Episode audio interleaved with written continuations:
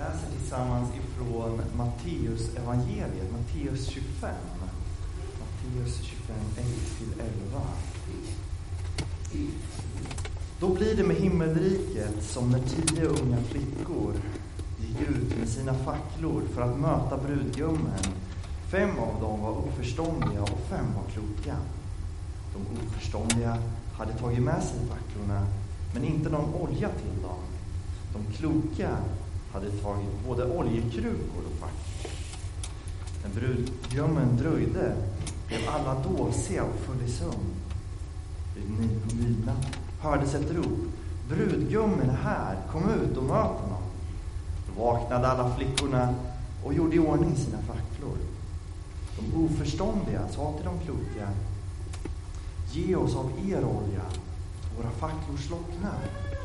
De kloka svarade, den kan aldrig räcka både till oss och till er. Gå istället och köp hos dem som säljer olja. Men medan de var borta och köpte kom brudgummen. De som stod färdiga följde med honom in till bröllopsfesten och porten stängdes. Efter en stund kom de andra flickorna och ropade Herre, Herre, öppna för oss. Men han svarade Sannerligen, jag känner er inte. Håll er därför vakna. Ni vet inte när dagen och timmen är inne. Vi ber tillsammans. Tack Jesus för, för ditt ord som är levande och verksamt. Jag ber Herre att du får komma och göra ditt verk mitt ibland oss idag. Jag ber att ditt, liv, ditt ord ska få bli liv i våra liv.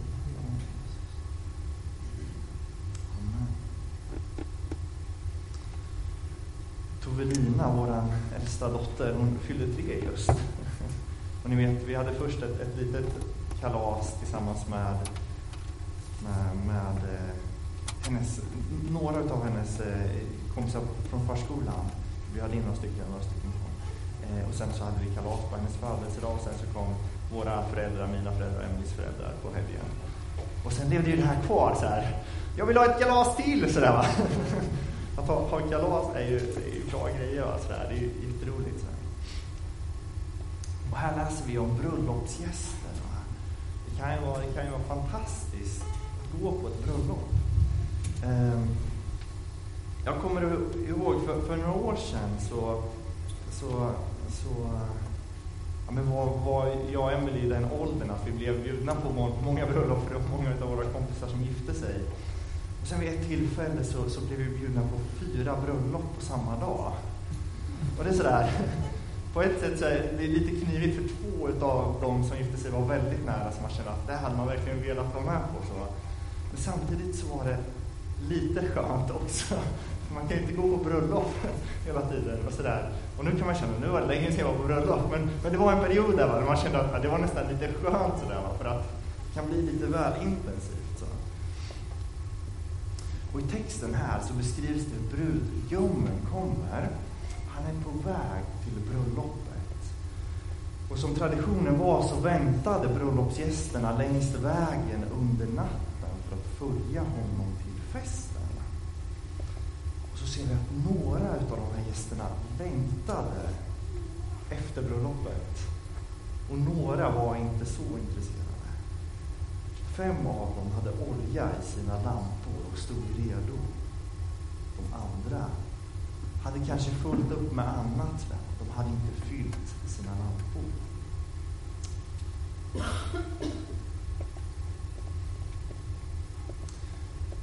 Vi har några fantastiska konfadeltagare som vi gör tillsammans med Missionskyrkan som vi träffar varje vecka. Och vi har en av dem som sitter och håller på och plöjer igenom kunga, eller krönikeböckerna var det. De sa att det är tråkigt nu alltså. Det är så mycket namn.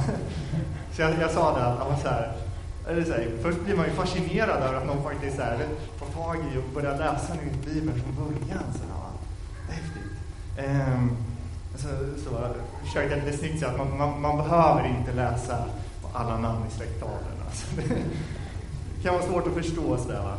Um, det är okej okay att hoppa över släkttavlan så. Eh, ni vet, böcker med, med, väldigt mycket staplad information blir väldigt lätt det svårt att ta till sig. Va? Vi föredrar berättelser där man kan leva sig in i, i händelser. Så. En annan bok som, som, som också kan vara svårt att ta till sig, som jag ibland har svårt att, att läsa, det är Ordspråksboken. En bok som är, ni vet, den är staplad med massa kloka grejer. Jag är sån där, jag gillar att läsa lite länge. Va? Ordspråksboken, man kan inte läsa Ordspråksboken länge, det funkar inte. Utan man, man, måste läsa, man måste läsa ett ordspråk nästan, sen ska man gå runt och tugga på det här länge. Va? Sådär. Det funkar inte att sträckläsa Ordspråksboken. Precis så tänker jag att det är också med de här släktträden. Ja, det kan vara intressant att läsa släktträden, men då måste man, man måste stanna upp och sen måste man efterforska lite runt omkring dem för att, för att det ska säga någonting. Ja, men vem är det Jesus är släkt med till exempel? Sådär. Men när man läser Ordspråksboken så berättas det också en berättelse genom Ordspråksboken om två kvinnor. Den ena kvinnan är, är, visheten. Den andra kvinnan är dårskapen. Och de ropar till männen som passerar förbi. Så ropar de ut sina livsstilar. Det står i Ordspråksboken 1, 20-23. Visheten ropar högt på gatan, på torget ljuder hennes röst. Mitt i larmen ropar hon i stadens portar, har hon till orda. Hur länge ni okunniga ska ni älska okunnigheten? Hur länge ska ni smäda och, och njuta av smäda? Och dårarna hatar kunskap. Vänd om och lyd mina tillrättavisningar. Jag ska visa er min vilja och låta er höra mina ord. Så skriver han om, om dårskapens kvinna i kapitel 5, i kapitel 5, vers 8. Håll dig långt ifrån henne, närma dig inte hennes dörr. Ordspråksboken är ju, är ju texter som det här folket lever med. Texter, berättelser som man bär med sig. Och i den här liknelsen som Jesus berättar så har de här två kvinnorna, vishetens och dårskapens kvinna, blivit fem unga flickor vardera. Vishetens fem flickor med olja på sina lampor och dårskapens fem utan. Och den som hör den här berättelsen får själv ta ställning till vem är jag? Vem vill jag vara i den här som lyssnar till visheten eller den som lyssnar till dårskapen? Vill man vara redo eller vill man göra annat? Vi är inne i slutet av kyrkoåret. Och eh, flera teman nu, allhelgona och sådär, har handlat om evigheten, om människor som har gått före, påminna sig om den festen som ligger framför. Och det är verkligen någonting att se fram emot. Och under den här perioden, under året, så, så kommer flera av texterna ur Uppenbarelseboken. Uppenbarelseboken är skriven till sju församlingar. Efesos, Smyrna, Pergamon, Teatyra, Sardes, Philadelphia och Laodikeia. För en del av oss så är Efesos ett känt namn, för dit skriver Paulus Efesierbrevet. Känner vi igen Smyrna och Philadelphia, det är ju namn som församlingar ofta har tagit i våran tid. Så. Som den här pingstförsamlingen i Rimforsa hette tidigare Philadelphia-församlingen. Va? Smyrna är ett annat sånt namn som, som en del församlingar har tagit som, som sitt församlingsnamn. Varför känner man inte igen de andra församlingarna? Va? Var, varför känner vi inte igen Pergamon, Teatyra, Sardes eller Laodikeia? Varför har ingen församling tagit de namnen idag? Um, när man läser Uppenbarelseboken så ser vi att det här är församlingar som får mycket kritik. Man vill inte ha de här församlingarna som förebilder, utan man vill ha Smyrna och Philadelphia. En av dagens texter är just texten till församlingen i Philadelphia. Det står så här. Så i Uppenbarelseboken 3, 7-13. Så säger den helige, den sannfärdige, han som har Davids nyckel. Han som öppnar så att ingen kan stänga och stänger så att ingen kan öppna. Jag känner dina gärningar. Se, jag har ställt en dörr öppen för dig som ingen kan stänga. Din kraft är ringa, men du har bevarat mitt ord och inte förnekat Se, namn. Se, jag ska låta några komma från Satans synvinkel, några som kallar sig judar, men inte är det, utan djur. Se, jag ska få dem att komma och kasta sig för dina fötter, och de ska förstå att jag älskar dig. Ty du har, du har bevarat ordet om min uthållighet, och därför ska jag bevara dig från prövningens stund, och jag ska komma över hela världen för att pröva jordens invånare. Kommer snart. Håll fast vid det du har, så att ingen tar ifrån dig segerkransen. Den som segrar ska jag göra till en pelare i min Guds tempel, och han ska aldrig mer lämna det. På honom ska jag skriva min Guds namn och namnet Guds stad, det nya Jerusalem som kommer ner ur himlen från Gud, och mitt nya namn. Du som har öron, hör vad sig säger till församlingen. Varför tar församlingar Philadelphia till föredöme? Varför valde den här församlingen som var här, församlingen, att ta Philadelphia som föredöme? Det här är en församling som har bevarat ordet. Det har varit tufft. Det har varit tufft. Men du har varit trogen. Jag ska bevara dig från, från prövningens stund, säger Jesus.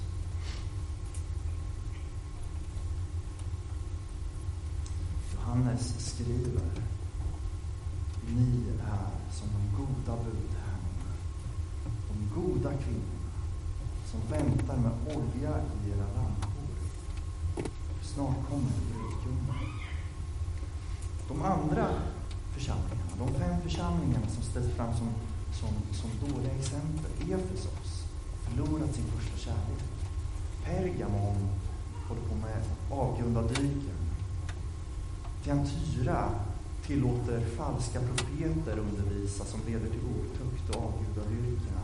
Församlingen Sardes, gärningarna som, som församlingen levde i, de höll inte måttet utan beskrivs som döda.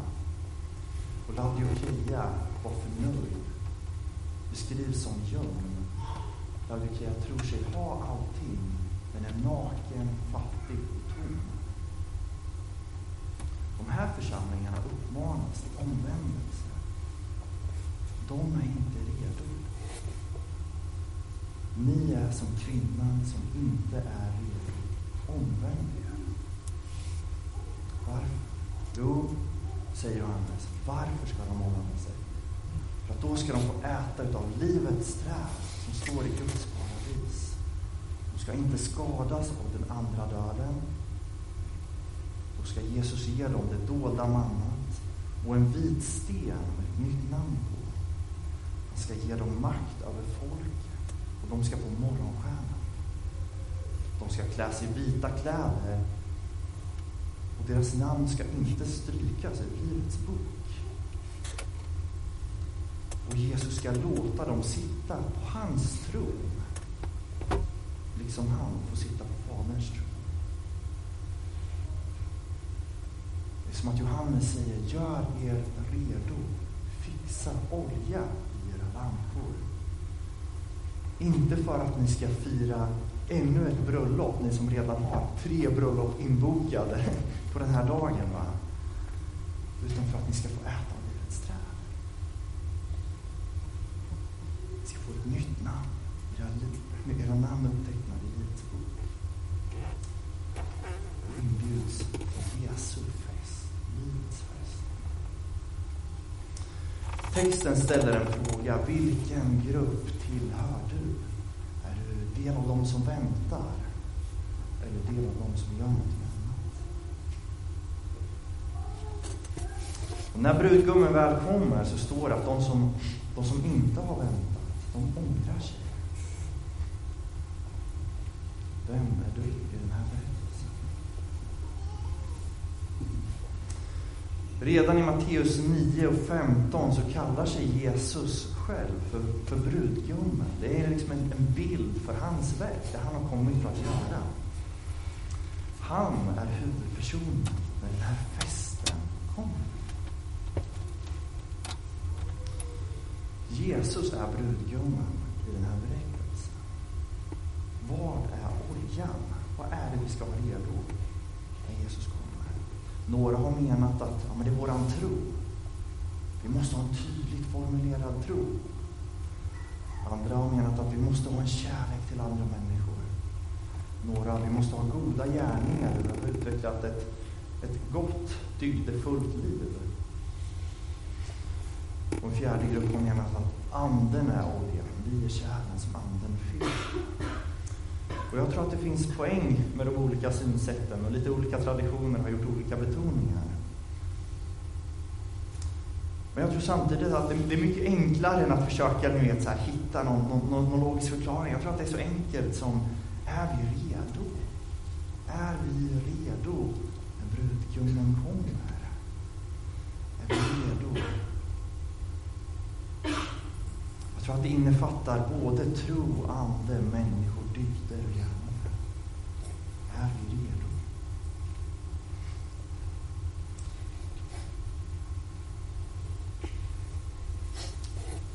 Den andra frågan är, vad då kommer? När kommer Jesus tillbaka? Är det när templet faller år 70? Är det när predikanten inbjuder till frälsning? Vad är det som ska vara redo? Är det, är det den yttersta tiden när Jesus kommer tillbaka? Är det då vi ska vara redo? Jag tror att poängen är att vi, vi, vi måste ständigt vara redo. Inte på ett avlägset ögonblick utan i varje ögonblick.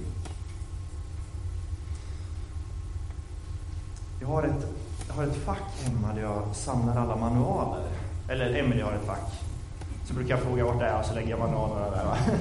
Men det är bra att ha grejerna på plats när man väl behöver dem.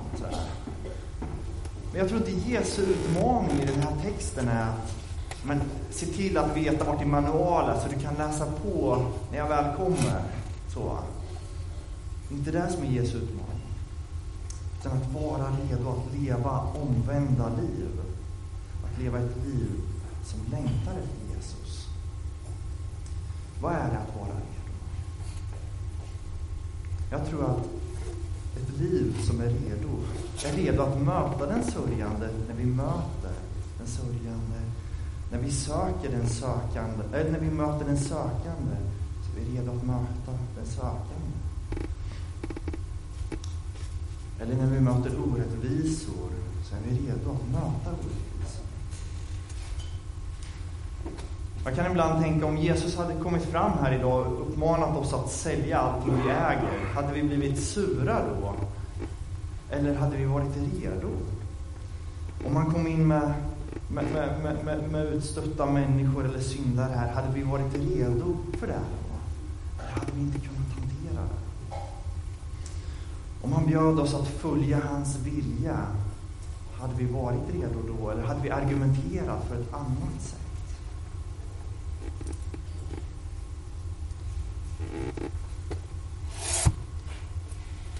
Vad gör vi för att vara redo? Hur förbereder vi oss?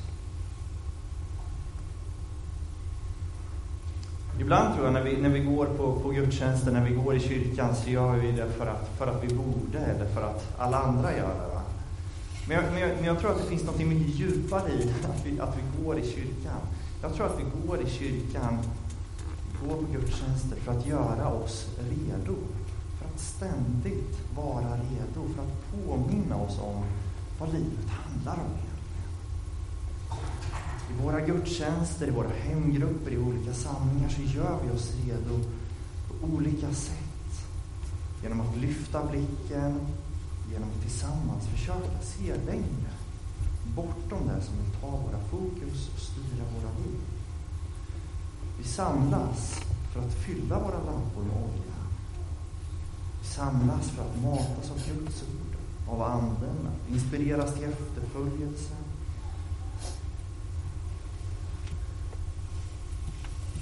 Vi samlas för att Jesus är brudgummen i historiens största fest. Och jag vill vara där. Tänk att det är därför vi samlas. Jag vill vara där. Vi vill vara redo, vi tror det är vad allt handlar om. När du speglar dig i berättelsen, vem är du? Kanske är du en av dem som väntar, men det är inte lätt.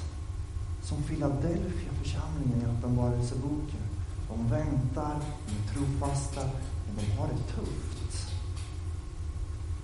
Jag tror att Guds ord till dig är, se, kom snart. Jag ger dig kraft från höjden.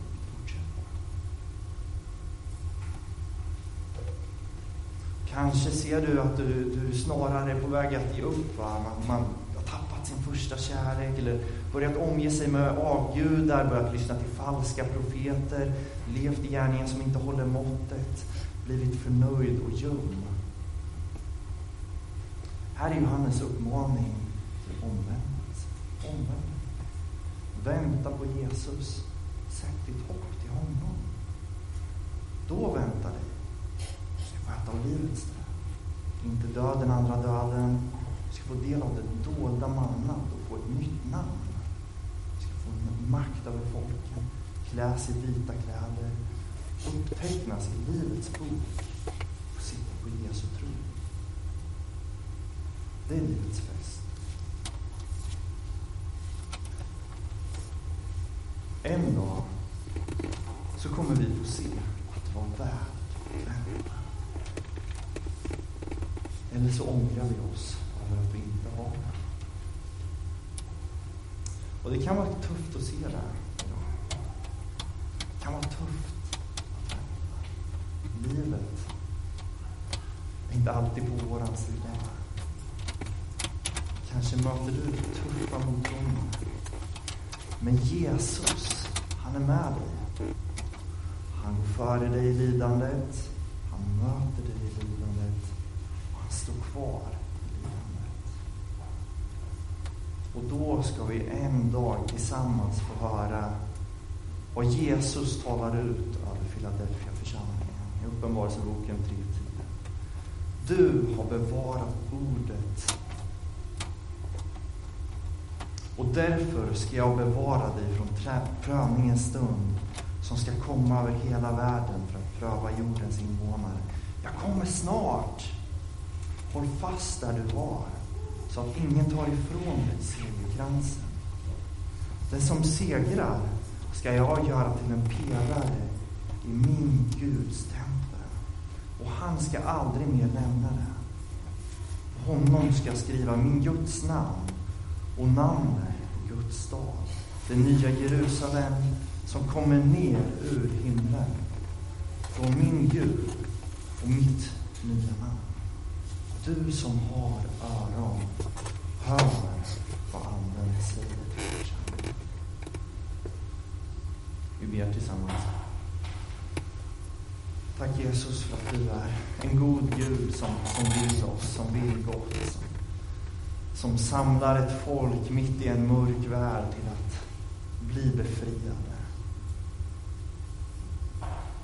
Tack för det Jesus. Och jag ber Herre att när livet är tufft så ber jag att vi ska få hjälp ifrån dig att lyfta blicken Herre. Genom Jesus. För våran längtan är att, att vara med på den festen Herre. Det är våran längtan jag ber att du ska få hjälpa oss när livet är tufft att lyfta blicken och se längre. Ber om det. I Jesu namn.